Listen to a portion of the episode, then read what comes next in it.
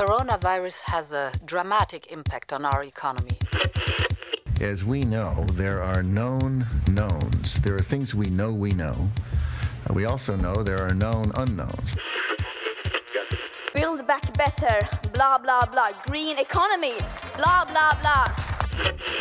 In diesem Sinne kann ich sagen, ja, äh, wir sollten alle Feministen sein. This footage from Al Jazeera purporting to show Taliban fighters inside the presidential palace declaring the Islamic Emirate of Afghanistan. I have a peculiar medical condition, which is that I don't sweat. I think it's a filter. It, And the- it is, and I don't know how to remove it. Not, I'm not a cat.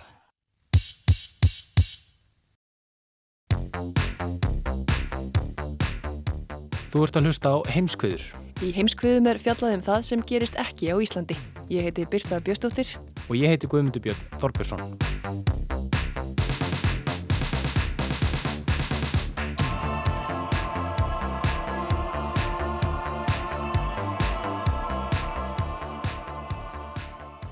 Í þættinum í dag ætlum við að fara til Afríku annars vegar og svo ætlum við að kynna okkur samkómulag stjórnvalda í Danmörku og Kosovo sem snýst meðal annars um að senda fanga dæmda í Danmörku til afplánunar í Kosovo og við njótum liðsauka góðkunningja þáttarins þeirra Jóhannesar Ólafssonar og Bjarnar Péturs Jónssonar.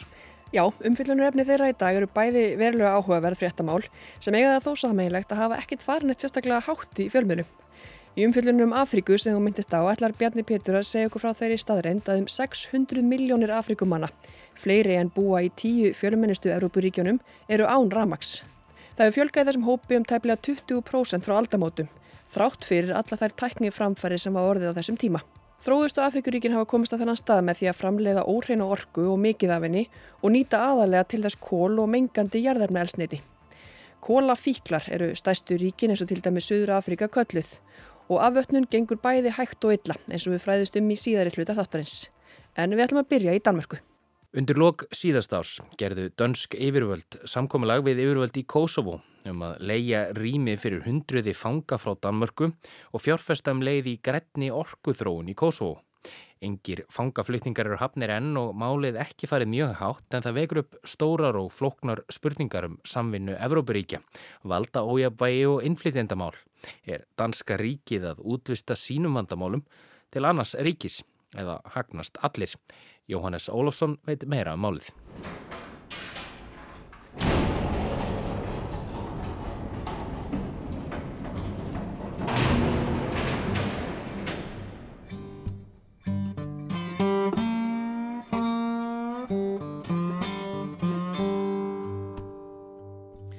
Lok árs 2021 settust fulltrúar danska ríkisins að samningarborðinu með ríkistjórn Kosovo.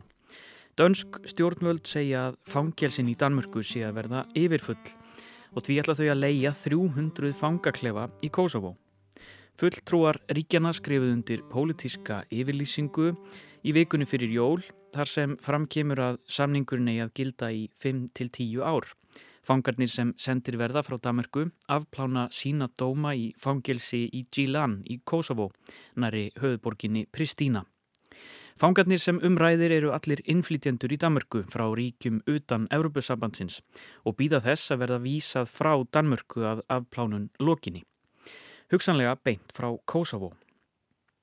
Föngum í Danmörku hefur fjölgað mikið samkvæmt dönskum fangelsis yfirvöldum um tæplega 20% frá árinu 2015. Samkvæmt World Prison Brief, tvöld af PB á vegum Birkbeck háskólans í Lundunum sem sérhæfi sig í upplýsingum um fangelsismál í heiminum, eru nú yfir 4200 fangar í Danmörku og er það yfir full nýtingu fangaríma. Á sama tíma hefur fangavörðum fækkað um 18% og með fangelsisleigunni vilja Danir reynað létta á þessu ástandi. Í Kosovo standa hátt í 800 fangelsisrými auð, samkvæmt tölum 2 PB frá árinu 2020 voru 1642 fangar þar í landi, en heldarými upp á 2500 fanga. Nick Hekkerup, domsmálar á þeirra Danmerkur, sagði á bladamannafundi í Pristína að báðir aðilar myndu hagnast á þessum samningum. It's an agreement that I think will benefit both of us the Danish prison service is very severely overburdened and uh, we reached out to Kosovo a year ago uh, and was met very positively by Danmörk leitaði til Kosovo í lok árs 2020, segir Hekkarup. Þetta skapi tækifæri til að endur bæta og fjárfesta í bættu réttarkerfi í Kosovo. Í samningnum er klefað á því að með þessum aðgerðum styrkist enn frekar gott samband ríkjana og að það er getið stöðlað sterkara réttaríki með áherslu á mannréttindi og líðræði. Aug leigunar leggur Danska ríkið einnig fram mikið fjármagn til þróunar grætna orkugjafa í landinu og það gefur að skilja að samkominnlegið kostar sitt. Danska ríkið greiðir 15 miljónir evra í leigu árlega. Haldi samningurinn gildi út hámarkstíman sem gefin er upp í tíu ár er heldarkostnaðurinn 210 miljónir evra, rúmir 30 miljardar íslenskra króna. Í þessari stóru upphæð eru taldar með 60 miljónir evra sem verður varið í þróunarverkefni tengd grætni orku í Kosovo. Það kann í fyrstu að hljóma ótengt í það minnsta langsótt. Ástæðan er þó tvíþætt að í Kosovo er meiri hluti ramags framleitur með kólum og svo orka dugir vart til þess að sjá íbúum fyrir orku því eftirspurnin er talsvert meiri en frambóðið. Margir upplifa ramagsleysi frá degi til dags og er þessi innspýting í þróun orku innviða hugsuð sem bót á því máli. Þetta vekur allt saman flóknar spurningar. Eru danir einfallega að leysa vandamál fangelsana og gerast grænir fjárfestar í leiðinni hjá þjóð sem þarf á því að halda? Eða eru þeir að útvista vandamálum sínum í krafti valds?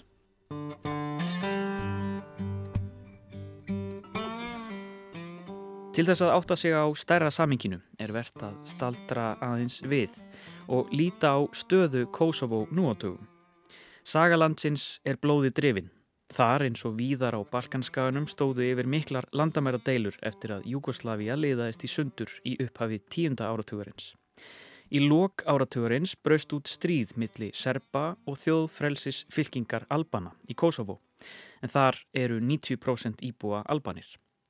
Serbar töldu Kosovo hluta af Serbíu og eftir mikil átök greip Allandsafsbandalagið inni í þeirri vonum að Serbar myndu draga herlið sitt tilbaka.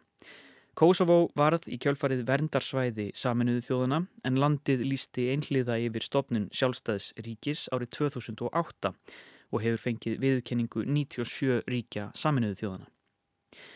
Efnahags- og atvinnulífi í Kosovo er í ólestri og þar ríkir mikil fátækt. Stjórnmálinn hafa tekið miklar sveiblur á síðastliðnum árum og erfitt verist vera að halda starfandi ríkistjórn. Magnea Marinósdóttir er alþjóða stjórnmálafræðingur og sérfræðingur í jafnbrettismálum. Hún dvaldi í Kosovo nokkrum árum eftir sjálfstæðis yfirlýsingu landsins. Já, ég var í hérna, Kosovo frá april 2012 til uh, september 2013 og ég var semst að vinna fyrir Jón Vimen í málufrang konu fyrir öryggi og þetta var vegum fyrir Ægislu Íslands sem ég fór og þá hafði ég, ég var að koma frá Sarajevo í Bosni og Herzegovinu, var þar eitt og halvt ár og var svo eitt og halvt ár í Kosovo. Hún segir ástæðu þess að Danmörk valdi Kosovo til samstarfs með þessum hætti líklega fyrst og fremst efnahagslega. Það sé mikið atvinnuleysi og mikið af ungu fólki sem er kvorki í námi nýja vinnu. Það er líka ramagn framleitt með kólabrenslu og í því samhengi eru grænar fjárfestingar dana mikill kvati. Sko það er engin tilvölin að, að Dani bjóða þetta, þeir eru náttúrulega framalega sjálfur þegar kemur að umhverfisveinum lausnum og grænu lausnum og framlegslu og þeir eru að bjóða ekki bara fjármagnheldur, gerir líka ráð fyrir að þeir eru að sé að bjóða það sem að Íslandingar hafa gert mjög mikið í sinni þróunarsamvinnu, þetta er nokkur svona þróunarsamvinnuverkefni, það sem að þeir eru að miðla reynslu sinna á sjálfbúrum uh, fiskveiðum og, og nýtingu til dæmis háhitta eða gufuapsvirkjana og þínlikt mm. og og þegar ég svona las aðeins betur um þetta mál þá hugsi ég að þetta væri mitt svona nokkur skonar marsjál aðstóð í raun og veru út af því að ég ger líka ráð fyrir að fjárfestingin sem að lítur að fengunum og fangjarsunum fari nokkuð í það að bæta hugsalega, þú veist, aðbúna þar ég veit að þeir eru með, sko, Kosovo-búar eru með svona 700-800 uh, fangisrými, þar að veru þrjú fangisi sem eru nýrri og hinn er náttúrulega gömul og uppfylla engin nútíma viðmi í samband við aðbúna fanga. Það er sem sé mikill hagur fyrir Kosovo að fá auknar erlendar fjárfestingarinn í landið. og það er það sem hafi þurft til að sannfæra Kosovo og Albani til að fallast á þetta. Græna orkuþróunin verist líka vera það sem Danir hafa þurft að gera til að sannfæra sitt fólk um að þetta væri öllum í hag. Það er bara borlíkjandi að Danir auðvitað nýta sér þetta. Mm. Eru að nýta sér þá, þá, þá staðrind að Kosovo Albana eiga og Kosovo búar eiga mjög erfitt með að fá erlenda fjárfestingu og þeirra náttúrulega yðnaður er alls ekki samkefnisæfur. Þetta er einn sko, mingaðasta land í Evrópu þegar ég bjóða þarna, maður fær bara öndan að færa sjúkdóma, þú veist, allir er að anda sér þessu kólaríki og ég meina náttúrulega Ísland fekk Marcelast á sínum tíma og í staðin kom ymmit, eins og segir, dátar og herstuð Já. og það var verðið og ég meina auðvitað og, og, og var litið á, svo, litið á það sem það verið samilegir hasminni sko. En hérna það þurfti að byggja upp vegi og, og rafkerfi og, og allt það sem var ekkert á Íslandi. Og ég veit ekki hvar Ísland væri stætt ef það ekki komið til Marsjólast og til Íslands á þessum tíma og við vorum ekki farsistaríki og um eina ríki sem var ekki farsistaríki sem fekk þess aðstóð eftir setn heimstriöld mm. og þetta er svona, eins og segi, þetta, er, þetta getur skipt sköpum bara fyrir framtíð Kosovo að fá þessa fjárfyrstingu inn í, í þessa grænu innviði og Og þetta auðvitað vita alveg stjórnmálmennir í Danmörku. En eins og áður segir vekur samningurinn ótal spurningar. Gaggrínisrattir hafa heyrst bæði í Kosovo og Danmörku á þessum rúma mánuði sem málið hefur verið í fjölmiðlum. Danir eru sagðir í yfirburða stöðu og engin tilviljun að þeir velji glæpa menn sem á að vísa úr landi að afplánun lokinni og koma frá ríkjum utan Európusambansins. Áætlaðið er að fyrstu fangarnir verið sendir til Gilan frá Danmörku í byrjun næsta árs. Í samningnum er kveðið á um að senda ekki þá sem eru dæmdir fyrir brota á hriðiverkalögum, stríðskleipa menn eða þá sem eru alvarlega veikir, hvort sem það er líkamlega eða andlega. Það eru kröfur sem Kosovo hefur sett. Dönsk lög eigað gilda um fangana í fangilsinu í Kosovo og þar á að vera aðgengi að öllu því sem fangilsin í Danmörku bjóðu upp á, alveg niður í danska sjónvarpið. Guðmundur Ingi Þórótsson, formaður afstöðum félags fanga á Íslandi, fylgist vel með fangilsismálum víða um heim. Hann nefnir að árið 2015 hafi normenn leikt fangarými á Sveipaðanhátt í Hollandi til þess að ráðast í viðhald á sínum eigin fangilsum. Í því tilfelli voru norskir ríkisborgarar sendir til lands þar sem einnig ríkir beturnarstefna. Guðmundur Ingi segist hafa áhyggjur af afleiðingum samnings Danmerkur og Kosovo og málið sér litað pólitík. Eh, í Danmörku núna þegar fórum að skoða þá, þá kemur í ljós að, að, að sko, það, þetta er náttúrulega allt pólitíst og, og, og hvaða stefnur uh, flokkarnir eru að taka og í, í Nóri voru þetta hægri, hægri aðilar í, í pólitíkinni mm. sem tók þessu ákvörðun en í Danmörku er þetta vinstri flokkarnir og þeir hafa tekið mjög hart á innflytjandum og, og það hefur orðið til þess að að, að, að dönsku fangir sem hafa verið að fyllast að innflytjandum uh, þannig að þeir eh, það sem þeir eru að gera núna er að, er, er að senda út 300 uh, innflytjandur sem á að vísa úr landi frá Danmörku og það eru allt sem sagt innflytjandur sem eru frá ekki Evrópusambandslöndum um Eh, þannig að, en þetta er eh, þeir eru svona að leta á álæginu hjá sér og, og ekki bara það vanti kannski fangilsplás heldur eh, er þetta bara álag líka í kerfinu þar sem er að, að, að reyna að losa sér við sko. Eh, en, en sko innflytjendur oft eru þeir mál og afgreitt sko, svo kannski kemur ljós á setni stegum og það á ekkert að vísa það múr landi kannski og þannig að þá eru þeir búið að senda það og eitthvað allt annað landi lengri tíma kannski og svo á ekkert að senda það út sko, mm. þannig að þetta er svona svolítið viðkvæmt. Fangilsis yfirvöld víða í Evrópu aðhyllast beturnarstefnu eins og Guðmundur Ingi bendir á. Að fangilsin séu staður þar sem fólk fái tækifæri til þess að rétt úr kútnum og koma betri manneskjur út í samfélagið aftur. Eh, Danmörk er hins vegar að hérna eh, er að, er að flytja þarna útlendinga í annar land sem er ekki í Európa-sambandinu, það sem gilda allt öðruvísi reglur og þeir eru ekki með neina endurhæfingarstefnu, heldur þvert á móti þá hefa verið miklar ásakanir um einmitt illa meðferð og pyntingar í þessu landi og ég er ekki að sjá sko að það sé eitthvað að fara að breytast. Um, hins vegar segja, segja Danir að alveg svo normenn gerðu að, að, að það ætti að gilda normenn sögðu að það ætti að gilda norsklög í hollensku fangilsi en þegar það fór að berast ásakanir og þeir fóru að rannsaka málinn og þá gekkum erfilega að rannsaka þessi mál og, og endanum áttuðu sig því að í Hollandi gilda hollensk lög.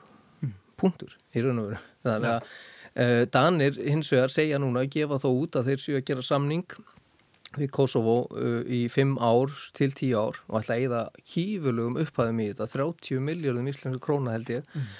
uh, og segja að þetta verður undir stjórn Dana og, og, og, hérna, og það verða reyndar heimamenn sem að verða fangaverðir en þetta verður undir stjórn og það verða sömu reglur og lög í Danmarku Þetta getur auðvitað aldrei gengið upp og ég hugsa að Danir er eftir að átta sig á þessu þegar eh, kærur fara að berast inn til domstóla í Danmörku og þá verður þetta svolítið snúið mm. og, og, hérna, og ég held að þeir geta ekkit komist á annari nýðustu heldur en normenn með þetta mál mm.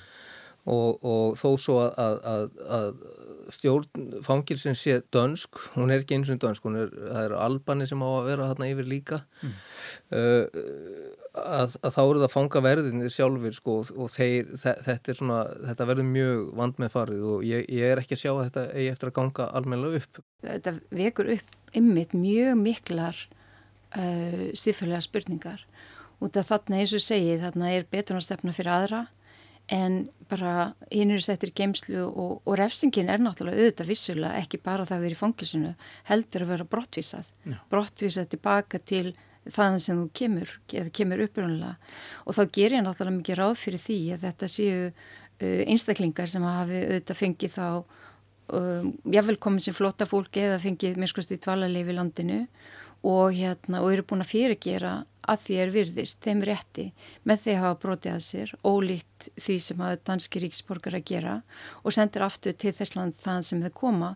Og þá auðvitað veltum að líka fyrir sér uh, þú veist að í mörgum tilvægum ef að þú minnskost ef þú hefur fengið dvalið og grundið þess að fara flótafmaður þá áttu ekki geta að vísa við komið tilbaka.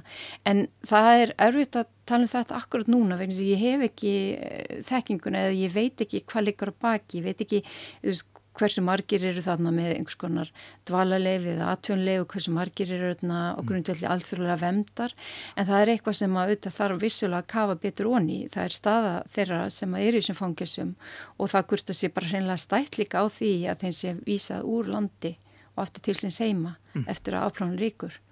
Það, það er í raun og veru sko auðvitað tvöföldarafsing.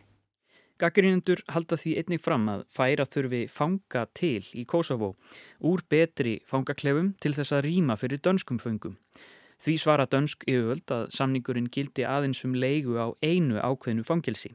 Þar beri danska ríkið ábyrð á afplánun en allt utan þess sé ekki á þeirra ábyrð. En, en sko það eru aðra leiðir í þessu sem að hérna sem við til dæmis höfum verið aðeins að brytta upp á eða sérstaklega koma með og, og, og hérna kynna og, og það eru samningar á milli landa þar sem er hægt að senda uh, fanga til síns heimalands.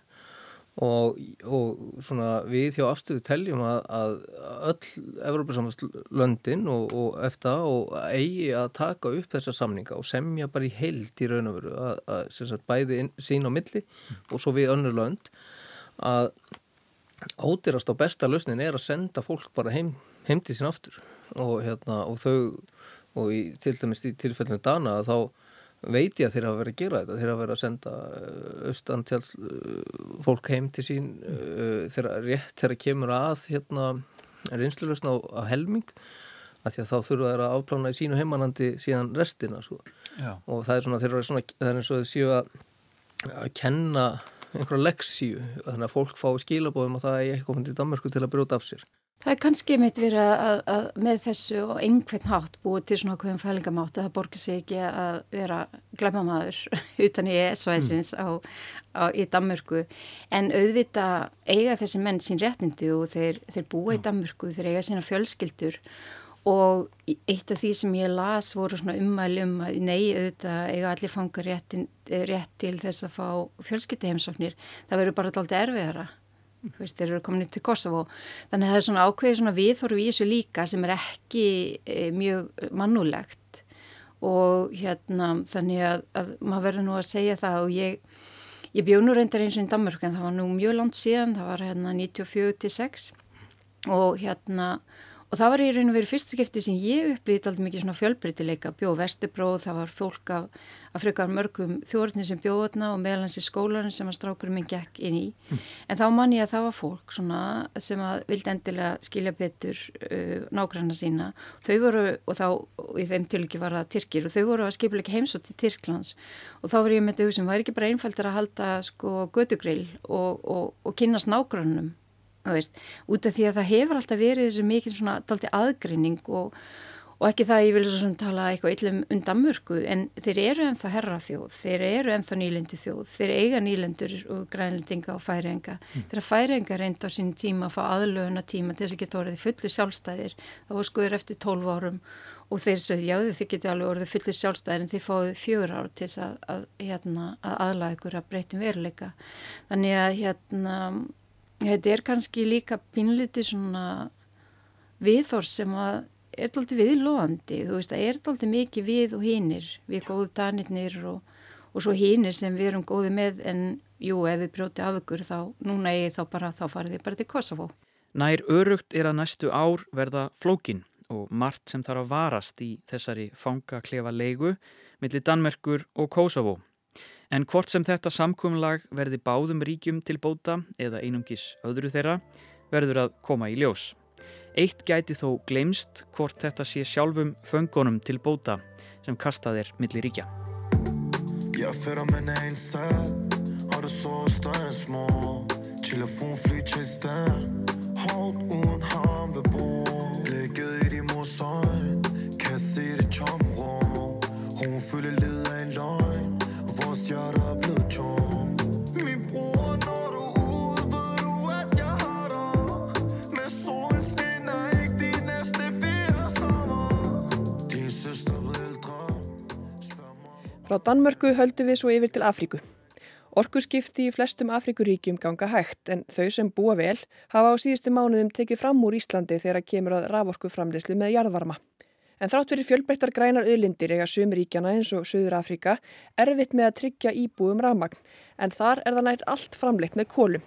Förum nú til eins helsta kólaríkis heims í fyllt Bjarnar Péturs Jónssonar.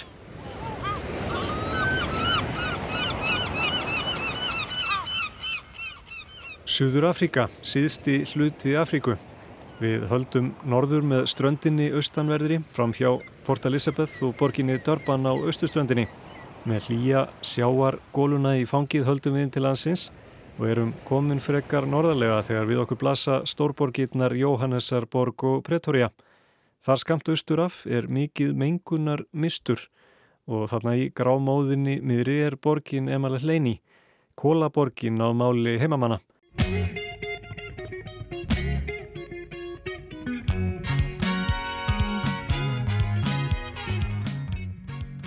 Hefbundin Suðurafrísk borg byggð upp af námuverkamannum eina mörgum í héræðinu Mpumalanga þar sem hátt í 90% allrar kólaframleiðslu í landinu fara fram og þar er allt krökt af kólaborgum.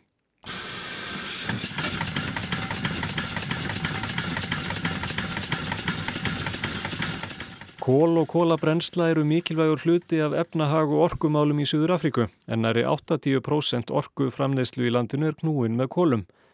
Síðustu ár hafa kólaframleysla og útflutningur verið millir 6 og 7% af þjóðarframleyslu. Ekkert Afríkuríki kemst með tærnar þar sem Suður Afríka er með hælana þegar kemur að losun gróðrúsalóftegunda. Landi losar um 450 miljónir tonna árlega en næst koma Egiptaland og Allsýr með um 150 tonn hvort. Suður Afríka er í 15. sæti á lista yfir þau ríki sem losa mest á heimsísu. Þar leika kólinn stort hlutverk því kólabrensla losar meira af gróðrúsa lofttegundum út í andrumsloftið en bæði ólíja og gas. Og kólavinnsla á sér djúpar rætur í Suður Afríku og leikur mjög stort hlutverk, mun stærra en viða annar staðar.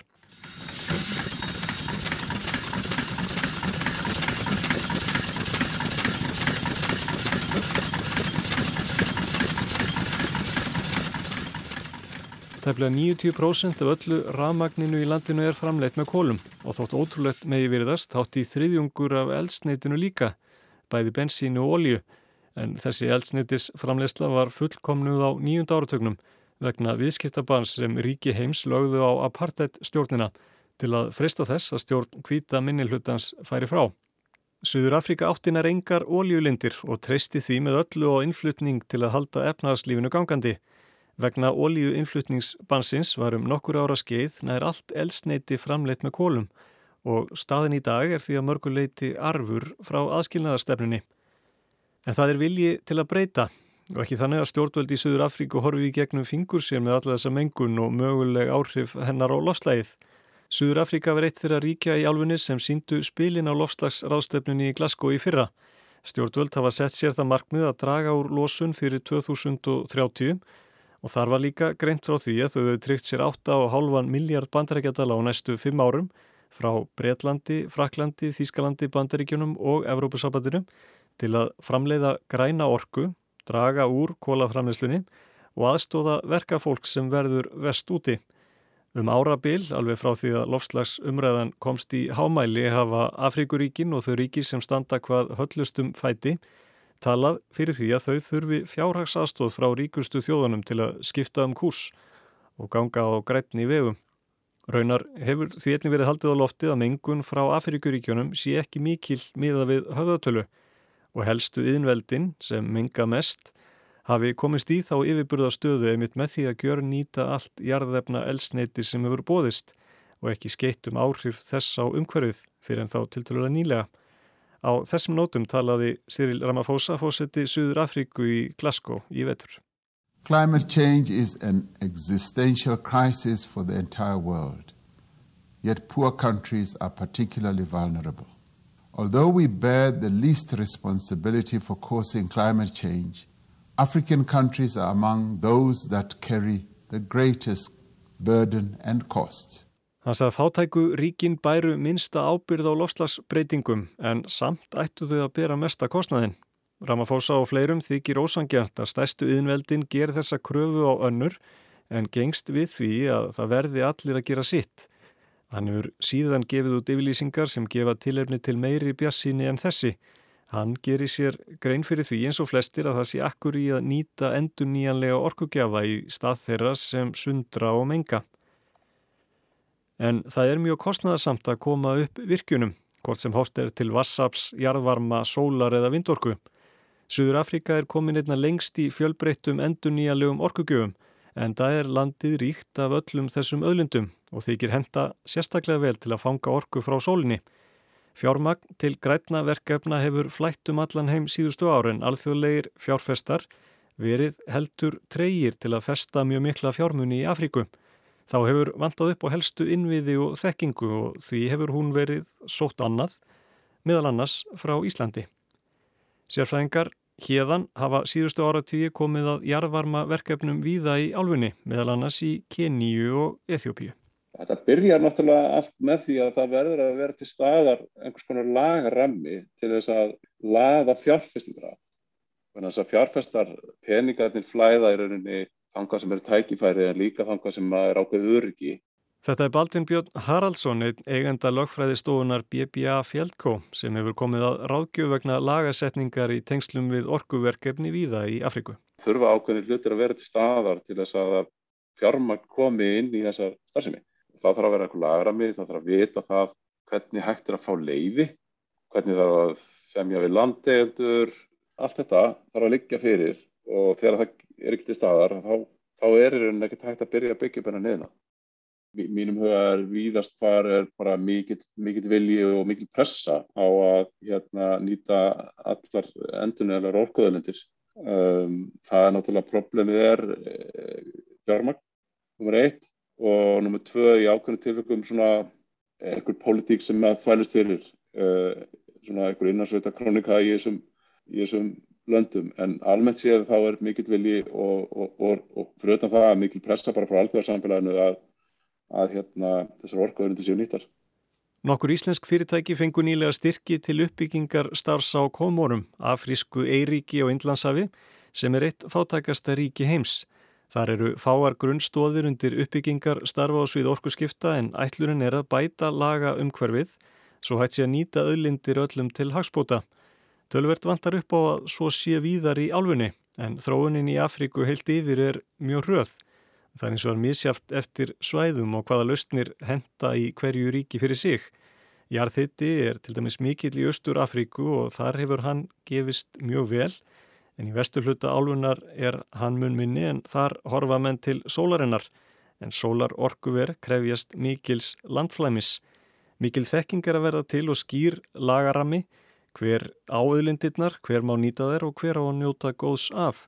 Og þessi vinna er langt komin á komurum fyrst ráðin í það að semja þar jarðvarmalögjöf og þurftum að fara þessi tí að, að gera mikla rannsókn á alltaf, þurfum alltaf að skoða lögjöfuna sem er í gangi uh, og í, í dag og með þetta hérna hvað þarf að hvernig þessi nýja lögjöf þá tengjast núverðandi lögjöf og við þurfum að ræða við, við þurftum að eiga sko samtöl við bara alls eins fólk að það niður frá sem er svona hér að sæðingja og uh, hérna fullt af fólki og meðal annars hérna, umsjónum eh, eldfjálsins og alls konar fólk sko, og, og þetta stjórnvöld vara.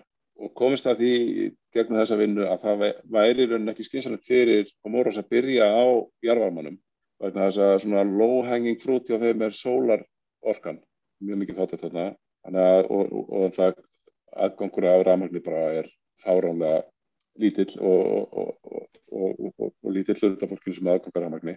Þannig að við erum lögum það upp að í staðis að semja lögjum jarðvarma þá mútum við semja lögjum endurlega orðkosti sem að er í sól, vindur, uh, jarðvarmi og fallið. Fleiri íslensk fyrirtæki hafa komið að orkuvinnslu og jarðhittaverkefnum í Afríku. Einna lengst eru þau komin í Eþjópíu. Þó það rætti sjaldan í heimsfréttinnar hefur hagkerfi Eþjópíu vaksir hraðast í heiminum síðustu 15 árin. Þar er mikill vöxtur og til þess þarf mikla raforku. Hún er að nokkrum hluta framleitt með jarðhitta en það er nú framleitt meiri raforka á þann hátt en hér á landi. Í Eþjópi erum við með tvö af stærstu orkuverkefnum Afríku, svona enga fjármögnuðu orkuverkefnum Afríku og það eru Corvetti og Tulmói verkefnum. Þetta er Magnús Áspjósson, fóstjóri Reykjavík Geothermal sem var stopnað fyrir rúmum áratug en þaðan eru sterk tengsl við reynslu bolta sem unnu fyrir orkuveitu Reykjavíkur meðal annars við að kortleggja jarðhýttasvæði í Afríku. Starfsemi félagsins er nú einna helst í Eþjópíu en í Korbetti og Tulumói eru 150 megavatta virkjanir sem eru álíka stórar og helliseða virkjun og tvöfalt stærri en þýstareikir. Og það hefur uh, tekið okkur svona umþefnilega áratug að, að ná verkefninu frá hugmyndastígi og, og yfir, í, yfir á það stið núna þar sem við erum að bóra á fullu og, og ná gufu á yfirborð og konum með alla fjármögnun, uh, allt, allt eigið fyrir inn, inn í verkefnin og bankarnir eru búin að samþykja að koma að þessu undir ákveðnum skilurum og, og, hérna, þetta er allt saman á, á flegi ferð. Þessar virkjanir eru nýttara langmestu leitið til raforku framlegslu. Félagið fær leifi til að nýta orkuna og selja en afhendir svo ríkinu virkjunina við lok samningsins. Magnús segir að það megi líka þessu við kvalferðagöngin. Þau voru reist og rukkað fyrir ferðir þar til fjármagn fjækst fyrir framkvæmdini og göngin þau fara síðan til ríkisins. Við byggjum þarna virkun, við sagt, seljum orkuna í næstu, næstu 20 árun og svo í enda verkefnisins þá, þá afhendum við ríkistjórninni virkununa. Þetta virkar því raun ekki svo flókið og Magnús segir að víðast hvar hafi gengið best í nýjum orkuverkefnum þar sem minnst var aðum fyrir. Víðast sé búið að koma upp flóknu kerfi og verja miklum fjármunum til að halda því við og þá sé erfitt að taka á móti nýjungum.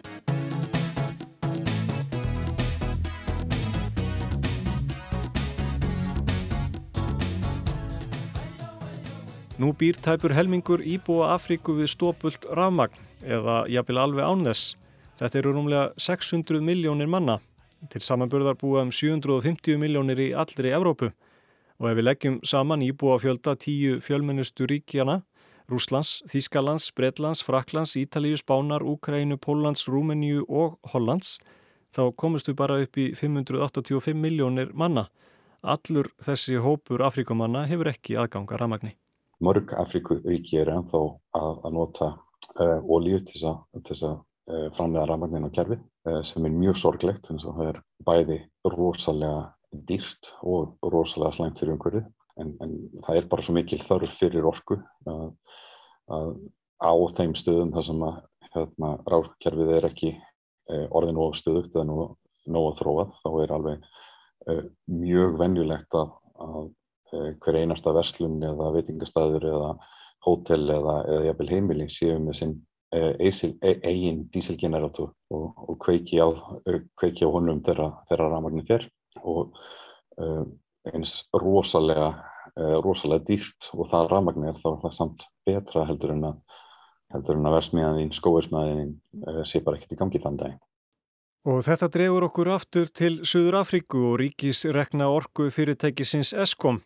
Það er að drukna í skuldum, að hluta til vegna fjárfestinga í kólaðinaði og hefur átt í miklum erfileikum með að tryggja fyrirtækjum og ekki síst íbúum rafmagn.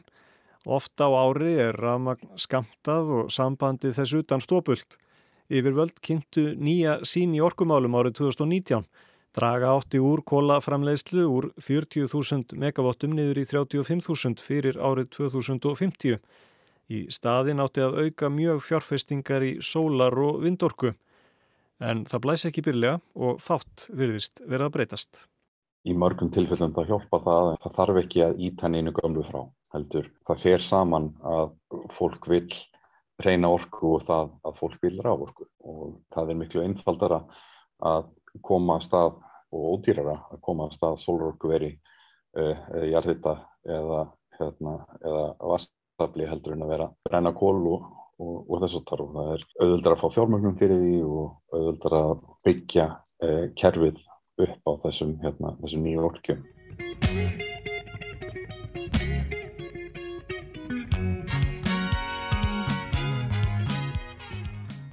Förum aftur til kólaborgarinnar sem við heimsóttum í upphafi.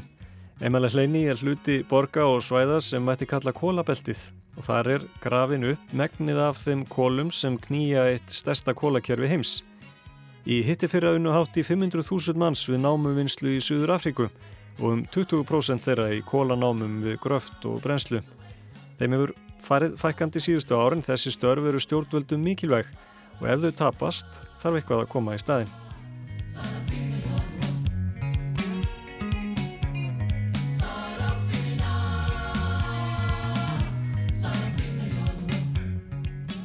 Og það liggur fyrir að störfum fækkar til muna með grætni orkugjöfum. Svo staðreind hefur reynst yfir völdum erfið. Og kannski ekki síst vegna þess að rætur ráðamanna eru í kólaborgunum.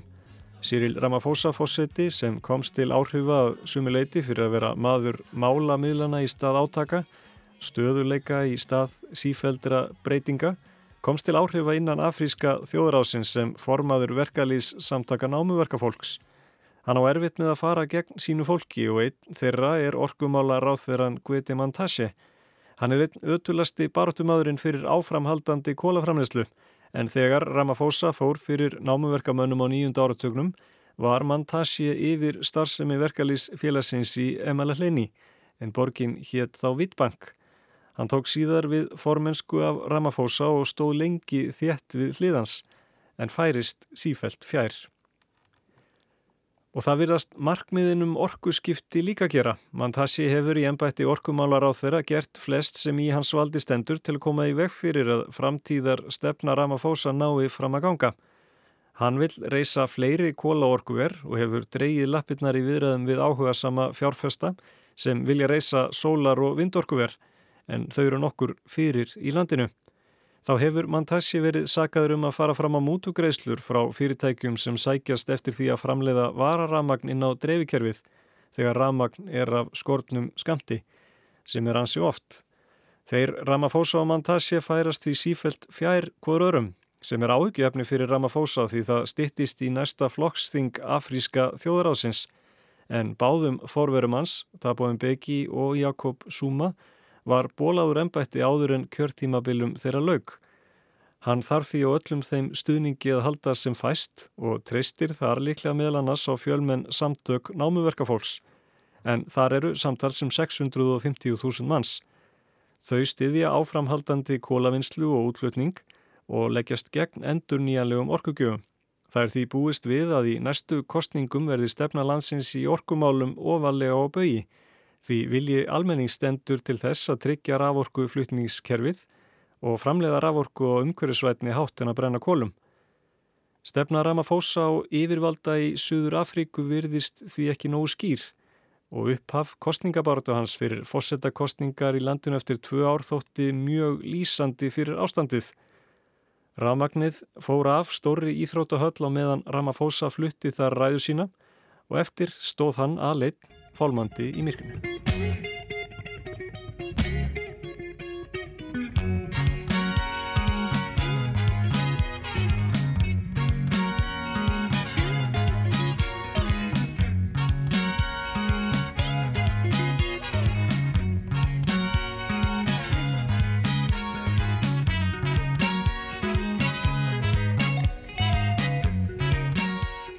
Heimskuður verða ekki fleiri þessa vikuna.